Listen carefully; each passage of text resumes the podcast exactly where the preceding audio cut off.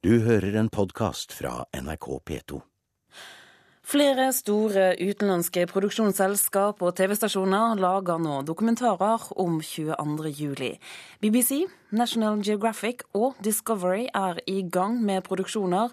AUF-leder Eskil Pedersen er spent på å se om de har forstått hva Utøya egentlig er.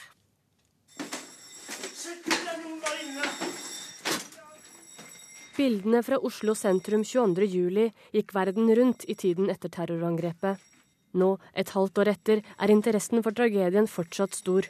Tre internasjonale TV-selskaper er nå i gang med hver sin 22. juli-dokumentar. Uh, we are here in Oslo and Norway to make the BBC's main documentary about the terror attacks against Norway on the 22nd of July. BBCs produsent Anne Ler forteller at de vil konsentrere seg om det store bildet. We're not here to make a sensational documentary about a violent massacre. We are here to make a documentary about the big, big issues uh, and an historical, make an historical account, a factual account of what actually happened. We're not here to focus on violence or sensationalize uh, or intrude in any victims' lives. Vi vil ikke fokusere på vold, sier Ler. BBC-kollega Edward Watts forteller at de ikke er opptatt av detaljene i massakren, men de vil fortelle historien gjennom de som opplevde den.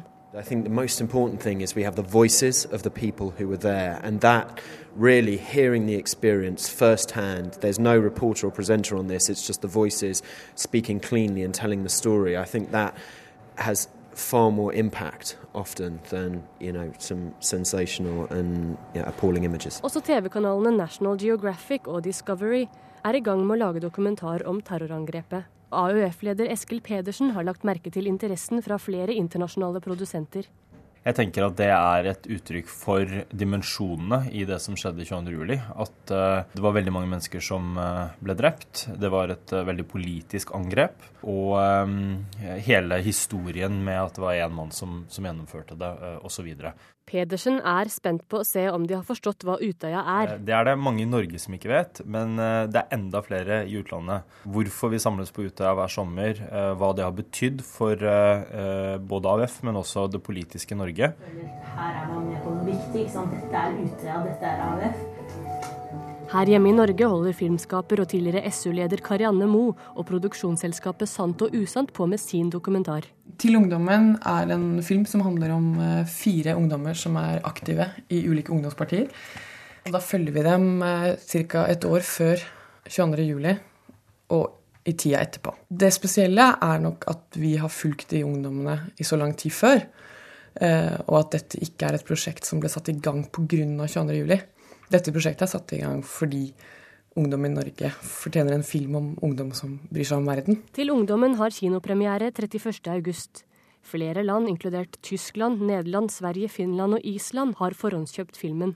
Karianne Moe tror noe av grunnen er at terrorangrepet skjedde i trygge, lille Norge. Jeg tror dette er noe folk i andre land har kjent til eh, fra andre steder, men at noe sånt har skjedd her, eh, i trygge Norge, Skandinavia, gjør det skremmende for hele Vest-Europa. Reporter her, det var Ina Strøm, professor i filmvitenskap ved NTNU i Trondheim, Bjørn Sørensen. Hva er bra med at utenlandske filmskapere kommer hit og lager dokumentarfilm om 22.07? Det er jo det at vi vil få et perspektiv som vi ikke får ved hjelp av de norske dokumentarene. Vi får et blikk som ikke er så tett på, og som ikke og som kan gi oss en anledning til å se dette i som sagt, i et, litt videre perspektiv. En slags internasjonal kontekst? En, den internasjonale uh, konteksten er viktig også for at vi, så at det kan hjelpe oss å få, si, få litt idé om størrelse på det vi opplevde. Og, og uh, det ble jo laget to dokumentarfilmer ganske kort tid altså etter, etter Utøya-tragedien. Eh, NRK lagde en, og TV 2 lagde en. Og det var innen to, to, uker etterpå, og disse filmene kom for tett på, rett og slett. De maktet ikke å oppnå den, denne avstanden. Så hva, hva, hva, kan styrken til disse nye, da? Altså, disse har jo da fått litt lengre tid på seg. Hva kan styrken være da? Eh, styrken kan altså, altså, kan rett og slett være at det hjelper oss å se dette i et uh, internasjonalt perspektiv. At det hjelper oss til å uh, se altså, altså, For det første vil det jo understreke for oss at dette ikke, ikke bare var en norsk begivenhet, men det var i høyeste grad en internasjonal begivenhet. Og det har, har, har, har å gjøre med den internasjonale, internasjonale politiske situasjonen, og det går rett inn i forhold som diskuteres og er aktuelle over hele verden. Du bruker ord som, som, hjelper oss til å se, men altså, hva slags ulemper kan det være med at eh, BBC og andre utenlandske produksjonsselskap lager dokumentarene? Ja, Én ting er jo at uh, altså det er jo ikke ofte Norge er, er et, er et interessefelt for utenlandske dokumentarselskaper. Og én uh, mulig fare er jo en type, en type, en type ek, eksotisme. At vi at vi oppleves Altså at det vektlegges dette at Norge er det her, denne, denne sjablongen på det, på det, lille, fredelige samfunnet som så blir, som så blir rystet av en, av, av en, katastrofe, og at eh, at det er særegenhetene ved Norge som, altså, som framheves mer enn si, den, den, den plassen dette har i ting som, som skjer internasjonalt akkurat nå. Den andre fellen som man kan gå i, og som jeg regner med at man vil gå i, er jo å få en, få en tabloid vinkling. Eh, over, overdreven sensasjonsjakt, eh, hensynsløs jakt på vitner, uten, altså uten tanke, hens, tanke på eller, eller, hensyn til de, altså de psykiske påvirk... altså psykiske belastningene som, som dette medfører i ettertid. Det, det, er jo helt opplagt. Så hva synes du da om at det kommer eh, altså Det blir jo da i alt tre i hvert fall eh, utenlandske produksjoner om en så sensitiv hendelse relativt kort tid etter at det skjedde? Ja, nå, som sagt, nå begynner vi, å, begynner å nærme oss et år. Og, og, de to norske dokumentarfilmene ble jo laget 14 dager etterpå. Uh, når det gjelder BBC, så kjenner jeg jo til, til produsenten her, og hun er faktisk norsk. Så jeg regner med at vi vil få mindre av den typen eksotisme som jeg snakket om. Eh, jeg tror nok også at de, de seriøse selskapene kommer til å, altså, å levere viktige og gode bidrag til det her. Bjørn Sørensen, takk for at du var med oss her i Kulturnytt. Du hører en podkast fra NRK P2. En ny minnemedalje som utgis i forbindelse med kong Haralds 75-årsdag den 21. februar, for krass kritikk. Mynthandler Kjetil Kvist sier til VG at portrettet av kongen ikke er pent og ikke kongen verdig. Fotograf Hans-Jørgen Brun mener fremstillingen rett og slett er forferdelig, men medaljekunstneren Joachim Jimenez forsvarer verket og mener at det er avfotograferingen av medaljen som er dårlig. Komiker Atle Antonsen angrer på at han ikke har hetset norske majoriteter og minoriteter mer enn det han har gjort eh, til nå. I Dagbladet får komikeren kritikk av eh, bl.a. Jo Benkow for å ha fleipet med jøder og samer i NRK-programmet Brille. Men eh, Antonsen sier til avisen at folk må bli mer hardhudede, og at kritikken viser hvordan norske komikere har latt grupperinger av religioner og minoriteter slippe for billig unna. Wikileaks grunnlegger Julian Assange gjør som U2, Michael Jackson og en rekke andre stjerner når han skal være med i en episode av The Simpsons. Assange skal spille en nabo av Homer og resten av familien etter at de flytter fra hjembyen Springfield til en ny by. Episoden får premiere om en tre ukers tid i USA, og er for øvrig episode nummer 500 av den moderne klassikeren. Du hører en podkast fra NRK P2. Ja, Bergen internasjonale filmfestival vil altså ha knutepunktstatus for eh, dokumentarfilm. I dag så er kortfilmfestivalen i Grimstad den eneste filmfestivalen med slik status. Og Kulturdepartementet har ingen planer om å lyse ut flere. You mentioned uh, before during the day that uh, you felt happiness when the bombing started. Dokumentarfilmen 'Reunion', ti år etter krigen, var en av dokumentarfilmene en kunne se på Bergen internasjonale filmfestival i fjor. BIFF har jo hatt en tradisjon i mange år på å ha et sterkt fokus på dokumentar. Det er jo eh, altså Over halvparten av filmene som blir vist på festivalen, er jo dokumentar. Og festivalen har et godt rykte i dokumentarmiljøet. Et rykte for å løfte fram og satse på norske dokumentarfilmer.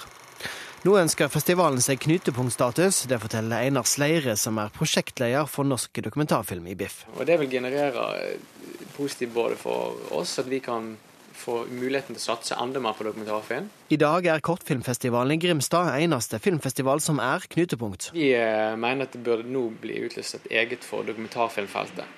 Og det er det ikke per i dag. og... Det håper vi at det blir. Men ifølge politisk rådgiver i Kulturdepartementet, Kjersti Stenseng, trenger verken BIFF eller andre filmfestivaler å holde pusten. Det ligger ingen konkrete planer for å tildele nye knutepunktstatus til nye festivaler nå i 2012. Altså, det inntrykket hos har til BIFF og den kunnskapen vi har om BIFF er jo at det kvalitetsmessig er en veldig god festival innenfor dokumentarfeltet. Så men det er jo heller ikke slik at alle festivaler som, som på en måte er ledende innenfor sitt område, får knutepunkt. Altså, jeg tenker jo at det er veldig dumt. da. Det sier Jon Haukland, mannen bak Reunion ti år etter krigen, som fikk juryen sin spesialpris under Biffi i 2011, og som senere på året hanka inn en Amanda for beste dokumentarfilm. Fordi at Dokumentarfilm er på en måte en sjanger som eh, flere og flere er interessert i. Og det er på en måte så mange ting som knytter seg til dokumentarfilm, både fra et journalistisk perspektiv og fra et filmatisk perspektiv. Så det å ha en, en, en stor og bred dokumentarfilmfestival i Norge, det er veldig viktig. Reporter her, det var Alexander Vallestad. Høyblokken må få stå, mener Kjell Magne Bondevik, og den tidligere statsministeren kaster seg nå altså inn i debatten om hva som skal skje i regjeringskvartalet. Han mener det vil være feil å rive en bygning som gjennom årtier har vært et senter for vår politiske virksomhet. Eh, for det første så representerer den en byggestil fra en tidsepoke i vår historie. For det annet så er den et slags landmerke i Oslo, som er et av de høyeste byggene her. Og For det tredje syns jeg ikke at terroristen skal lykkes i å ødelegge dette senteret for norsk politisk virksomhet som det har vært i mange år. Bondevik vil samle samtlige departement i regjeringskvartalet, og mener staten bør kjøpe opp bygninger i nabolaget for å få det til. Deichmanske bibliotek liggende rett ved siden av, som har en uh, flott fasade. Uh, en måtte sikkert uh, forandre alt innholdet i det hvis det skulle kunne huse et statsministerens kontor, men det syns jeg kan utredes. Reporter her, det var Per Arne Bjerke. Du hører en podkast fra NRK P2. Til Sokndal i Rogaland, for der driver kulturskolen med undervisning i kommunens bomberom. Uten vinduer, men med muggskader. Situasjonen er så ille at elever uteblir. Rektor Selma Simonsen sier at det meste av undervisningen nå drives på dispensasjon.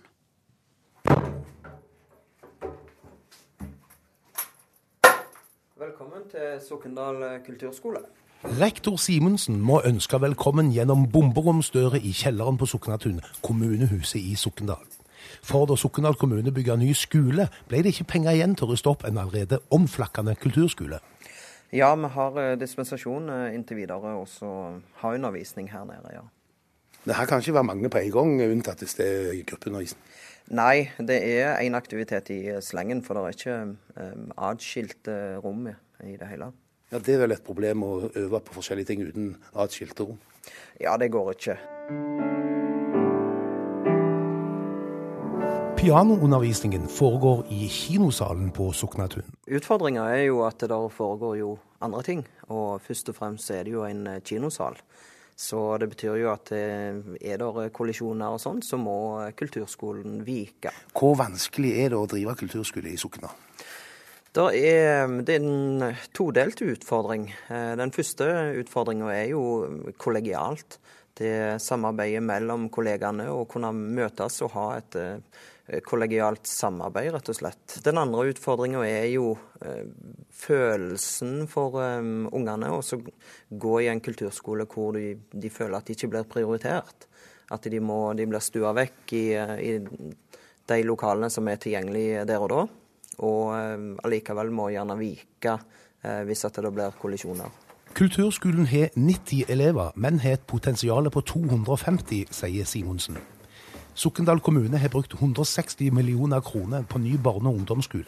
Kulturskole var inne som en del av bygget, men er satt på hold på ubestemt tid. Kulturskole er lovpålagt i Norge, og den nye ordføreren i Sokndal, Trond Arne Pedersen, sier at nå vil de satse på kulturskolen. Ja, det vil jeg si absolutt. Både Frp og Høyre og vi i KrF har bestemt dere for at vi skal satse på kulturskolen. Når kom det på det? Nei, Det er vi blitt enige om i forbindelse med når vi lagde det felles programmet som, eh, som vi gjorde etter valget. Hvor konkrete kan det være på det? Nei, Der vil jeg ikke være så veldig konkret. Det betyr det at det er lettere å si det enn å gjøre det? Nei, vi skal gjøre det. Så det er, men jeg har ikke lyst til å gå inn på det. For det, administrasjonen jobber med en sak, og der vet jeg at det kommer forskjellige alternativer som vil være mye bedre for eh, kulturskolen enn det de har i dag. Bomberommet der kulturskolen i Sokndal holder til, tar inn vann når det flommer i elva Sokna, kloss i bygningen. Samtidig må kulturskolen redusere antall stillinger, sier oppvekst- og kultursjef i Sokndal, Øystein Løve. Vi må um, redusere, og vi må prøve å holde oss innenfor de rammene som er gitt. Så nå jobber vi med å, å finne nye lokaler til kulturskolen. Men eh, det var vel lovt at det skulle bli kulturskole i denne skolen? Altså I planene for uh, skolebygginga så lå det inne tegninger til ny, en egen kulturskolebygg i, uh, i området med skolen. Det ble sett som opsjon i, i håp om at vi skulle kunne klare det innenfor den rammen som ble gitt. Det gikk ikke. Så nå jobber vi med å finne andre alternativer til kulturskolen. I mellomtida må elever og lærere i Sokndal kulturskole belage seg på mer bomberomsundervisning på dispensasjon. Er det skikkelig flom, så blir det vann på gulvet. Så et alternativ må jo kunne kanskje være å tilby kajakkpadling eller noe. Det er så rektor ved Sokndal kulturskole i Rogaland, Selma Simonsen. Reporter her, det var Øystein Ellingsen. Du har hørt en podkast fra NRK P2.